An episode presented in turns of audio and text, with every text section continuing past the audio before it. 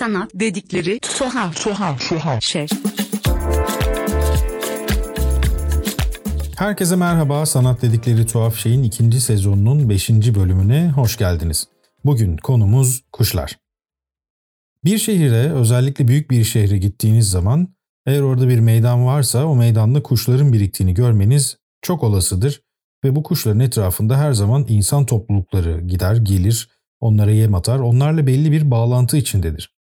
Peki bu neden oluyor? Yani dünyanın herhangi bir yerine gittiğimiz zaman coğrafya değişmesine rağmen, kültür değişmesine rağmen biz niye hep aynı manzarayı bu defa farklı kuşlarla belki görebiliyoruz? Yani bazen martılar, bazen güvercinler, bazen kırlangıçlar, bazen serçeler ya da e, coğrafyasına bağlı olarak farklı şekillerde belki bunların bir karışımını gördüğümüz durumlar hep karşımıza çıkıyor.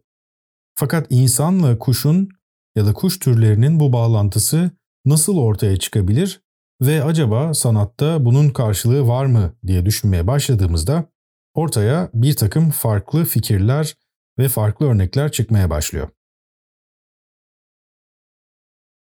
Kuşlar zaten çağlardan beri hatta antik dönemlerden beri kuşlar ve kanatlı bütün varlıklar bunlar e, gerçek olmak zorunda değiller. Aynı zamanda fantastik varlıklar olabilirler. Bazı canlılara eklenmiş kanatlarla oluşturulan e, hayali bir takım e, yaratıklar, e, hayali varlıklar yine olabilirler.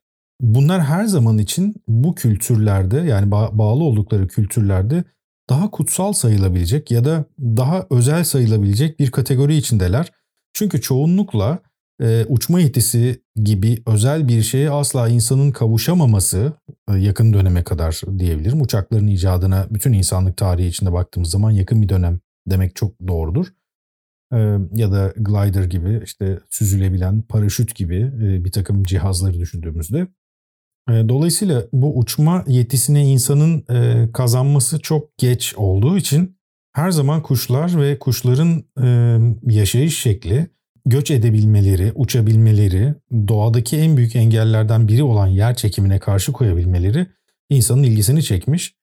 Ve özellikle kutsal canlılar olarak düşünebileceğimiz işte melekler mesela melek tasvirlerinde ya da antik çağdaki e, işte Mısır uygarlığının, Yunan uygarlığının farklı yaratıklarında örneğin bir Pegasus gibi görebileceğimiz yani bir kanatlı at gibi görebileceğimiz e, yaratıklarında hep bir uçmak ve kanatlı olmak e, hali gözüküyor. Bu sonrasında tabii sanatta da kendini göstermeye başlamış ve insanlar kuşlarla olan bu diyaloglarını ya da kuşlarla olan e, bu e, alışverişlerini sanatsal olarak da yansıtmaya başlamışlar. Ve özellikle antik çağa dair, antik çağı resmeden tablolarda, sanat eserlerinde bu kanatlı canlıların varlığını görmek çok daha e, fazla karşımıza çıkan şeylerden bir tanesi. Çünkü onlar üstün olanları gösteriyor ve bize bu üstünlüğü de hatırlatıyorlar. Şimdi gelin birkaç örnek üzerinden sanat tarihinde kuşların nasıl kullanıldığını, kuşların nasıl işlendiğine biraz bakalım. 1797 ve 1799 yılları arasında üretilen Goya'nın Zihnin Uykusu Canavarlar Üretir gravürü e, bunların örneklerinden bir tanesi. Burada kuşlar ne yazık ki e, gece varlıkları olarak sanki biraz kötücül varlıklarmış gibi resmedilmiş. Goya bu gravüründe aydınlanma felsefesini ön plana koyarak zihni ve zihnin ürettiği şeyleri hep olumluya yorumlamış ve dolayısıyla uyku halindeki bir insanın ve eli de kalem kağıttan uzak duruyor bu uyku halinde. Arkasında karanlığın içinden çıkan baykuşları, kedigilleri ve yarasaları resmetmiş. Baykuşların ve yarasaların ve kedigillerin burada olmasının temel nedenlerinden bir tanesi bu hayvanların geceleri çok rahat görebilmesi ve dolayısıyla da gece yaratıkları olarak, noktürnal hayvanlar olarak adlandırılması ile ilgili. Ve tabii Burada bunlar canavar olarak resmedilmiş, canavar olarak tanımlanmış. Çünkü akıl uykuda olduğunda ortaya çıkan şeyin cehalet ve canavarlık olduğunu söylemeye çalışmış Goya. 1894 yılında ise Jean-Léon Gérôme'un Haremdeki Kadınlar Avluldaki Güvercinleri Besliyor tablosunu görüyoruz. Bu tablo e, oldukça oryantalist bir bakış açısıyla yapılmış ve görüntüsü itibariyle bir Arap coğrafyasına ait olduğu anlaşılan e, bir avluyu resmediyor. Burada birkaç tane kadın burkalarla, üzerlerindeki burkalarla güvercinleri besliyorlar ve e, yanlarında da siyah bir harem ağası gözüküyor. Bu da oldukça oryantalist ve döneme göre de bugüne göre de aslında yanlı bakışla resmedilmiş bir tablo. Ama burada yine güvercinler ve insanlar arasındaki bağı görüyoruz ve buradaki kadınlar sanki özgürlüklerinin o güvercinlerle beraber e, bir sembole dönüştüğünü gösterir gibi onları besleyip onları büyütmeye, onları hayatta tutmaya çalışıyor gibi gözüküyorlar. Burada da zaten aslında oryantalist bakışın ne kadar güçlü olduğunu ve ne kadar baskın olduğunu da hissetmek mümkün. Max Beckmann'ın 1937-38 yılları arasında e, yaptığı Kuşun Cehennemi adlı tablo ise aslında yakın dönem dünya tarihi açısından çok önemli yere sahip ve çoğunlukla da Picasso'nun Gernika'sıyla karşılaştırılan bir eser bu. E, bildiğimiz üzere Nazilerin, Nazi Partisi'nin Almanya'daki başa geçişinden sonra 1937 yılında yapılan bir dejenere sanat sergisi var. Bu dejenere sanat sergisi içinde dönemin aslında önemli ve avantgard ve modernist ressamlarının Alman ırkının ideallerine aykırı olduğu gerekçesiyle dejenere bulunarak sergilendiği e, büyük bir utanç oluşturmaya çalışma üzerine kurulu bir sergi görüyoruz. Beckman'ın da e, burada sergilenen eserleri var ve hatta 1930'larda 600'den fazla eserine de yine Nazi Partisi tarafından el konuluyor Beckman'ın. Fakat 1937'de Dejenere Sanat Sergisi'nde eserlerinin sergilendiğini öğrendikten sonra bir daha dönmemek üzere Almanya'dan kaçmaya karar veriyor ve Amsterdam'a kaçıyor ve daha sonrasında da Almanya'ya dönmüyor. Kuşun Cehennemi tablosunun şöyle önemli bir e, durumu var. Bu ekspresif bir tablo, çok ifadesi güçlü bir tablo ve birkaç insanın, bir grup insanın olduğu bir sahneyi görüyoruz ve bir adam e, yatırılmış yere ve sırtına işkence edilerek zarar veriliyor. Ve tam tablonun ortasında da bir e, yumurta var ve yumurtanın içinden çıkan ve Nazi selamı yapan bir kadın gözükmekte. Ve kadın bir kuş olarak doğmuş ve e, Nazi selamı veriyor. Bu aslında oldukça politik bir iş tabii ki. Nazilerin başa geçişiyle değişen kültürü anlatması açısından e, döneme ciddi bir eleştiri getiren eserlerden bir tanesi ve belki de zaten bu eleştirideki haklılık payından dolayı da birazcık e, dejenere olarak kabul edilmiş ve bu şekilde de e, dejenere sanat sergisinde sergilenmiş ve tabii ki bu da e, Beckman'ın Almanya'dan ayrılmasına neden olmuş.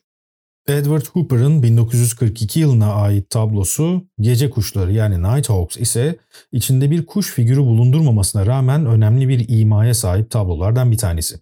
Burada biz e, henüz 2. Dünya Savaşı bitmeden e, yapılan karartmaları da anlayabileceğimiz bir görüntüyle karşı karşıyayız. Şehir tamamen karanlığa bürünmüş gibi gözükür ve ama içeride bir Amerika tarzı diner'da yani bir restoranda oturmuş insanlar vardır ve bu insanlar ışıklı bir alanda sanki o bombalamalar ya da o karartma hiç olmamış gibi ya da onlara hiç etki etmeyecekmiş gibi oturmaya, e, gündelik yaşamlarını devam ettirmeye devam ederler. Bu aslında sanki kuşların özgürlüğünü ve kuşların aslında insanların yaşadığı bir takım sıkıntıları yaşamadan e, hayatlarına devam edebileceklerini gösteren bir kanıt gibi önümüze sunulmuştur. Ve Edward Hooper da burada belki bu kuş alegorisini e, insanlar üzerinden böyle kurgulayarak ve bir de işte gece kuşları Nighthawks gibi bir kelime esprisi yaparak sanat tarihine aslında bir tür alegori, bir tür ironi bırakmıştır. Yakın döneme ait ama içinde gerçekte bir kuş barındırmayan fakat kuşla ilgili, kuşlarla ilgili bir fikri barındıran işlerden bir tanesi de 2017 yılında Nermin Er'in ürettiği Tek Göz Oda adlı iş. Bu 120 kuş evinden oluşan bir yerleştirme ve yan köşe projesi için İstanbul Karaköy'deki binanın iki duvarına e, yerleştirilmiş yapılardan oluşan e, bir yerleştirme. Buradaki kuş evlerinin tamamı gerçekten içinde kuşların yaşayabileceği şekilde üretilmiş ve e, Nermin Er'in burada aslında İstanbul'daki kuş türlerini incelemesi ve onların geçtikleri yolları da incelemesi üzerine oluşturduğu bir işten söz ediyoruz.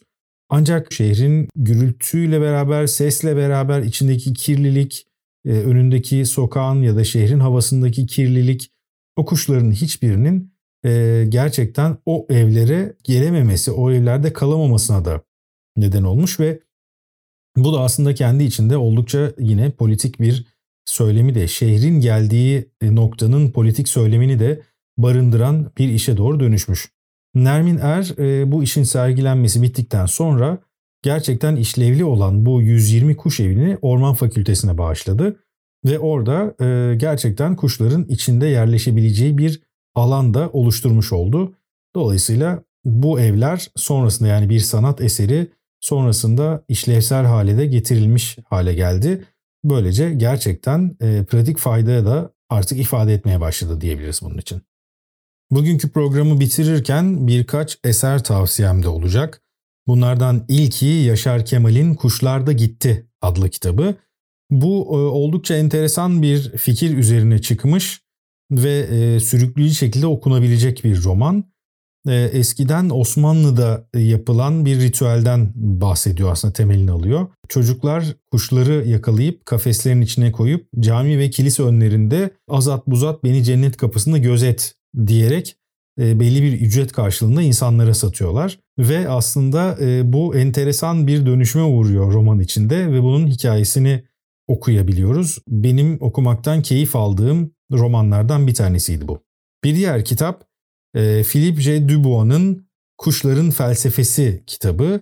Kuşların felsefesi daha çok kuşlardan yola çıkarak bir yaşam felsefesi öneren, kısa kısa bölümler halinde devam eden ama her bölümde bu felsefeyi biraz daha farklı açılardan görebileceğimiz e, enteresan bir kitap. Burada kuşların hareketlerinden, tüylerinden, ötüşlerinin farklarından ve bütün bunların nasıl ortaya çıktığından bahseden, e, biraz da evrimsel süreçten bahsederek bunu yapan enteresan bir kitap. Bu da kuşları ve kuşların felsefesini anlamak adına başvurulacak kaynak kitaplardan bir tanesi olabilir. Bir diğeri Pablo Neruda'nın Kuşlar Sanatı adlı şiir kitabı. Neruda Şili'deki farklı kuş türleri üzerinden kurguladığı e, şiirleri bu kitapta toplamış. Tabii ki onun alışık olduğumuz akıcı dili ve alegorileri de aslında ironik tavrı da bu kitabın temelini oluşturan şeylerden bir tanesi. Son olarak 13. yüzyılda yaşamış İranlı mutasavvıf ve şair Feridüddin Attar'ın Mantıkut Tayrı var. Kuşların dili ya da konuşması anlamına gelen mantık tayr, memleketlerinin sultansız olduğunu anlayıp yola düşen kuşların hikayesidir. Tüm kuşlar padişahı bulabilmek için çıktıkları yolculukta Süleyman peygamberin sıra dışı Hütüt'ü kendilerine rehber olarak seçerler. Hütüt onları Kaf Dağı'nın arkasında yaşayan padişahları Simurg'a götürecektir. Fakat seyahatin zahmetli ve tehlikeli olduğunu anlayan kuşlar, farklı konularda Hütüt'e sorular sorarak mazeret beyan etmeye ve yola çıkmaktan vazgeçmeye çalışır. Hütüt ise ibretlik hikayeler ve kıssalar anlatarak onları ikna etmeyi deneyecektir. Simur'a giden yol hakikate varacaktır diye yazılıyor e, bu kitabın basın bülteninde. Kuşlar üzerine konuştuğum bu programı bitirirken Ezop'tan çok küçük bir masal e, aktaracağım ve sonrasında da size veda edeceğim. Havada süzülen bir kartal bir okun vızıltısını aniden duydu ve ölümcül bir yara aldığını hissetti. Yarasından kanlar boşalırken yavaşça yeryüzüne indi. Bedenine saplanan oka baktığında ucunda kendi tüylerini gördü. Heyhat diye bağırdı ölürken. Düşmanlarımıza sık sık kendi yıkımımızın araçlarını veririz. Gelecek hafta yeni bir konu ve yeni bir programla buluşmak üzere. Herkese hoşçakalın.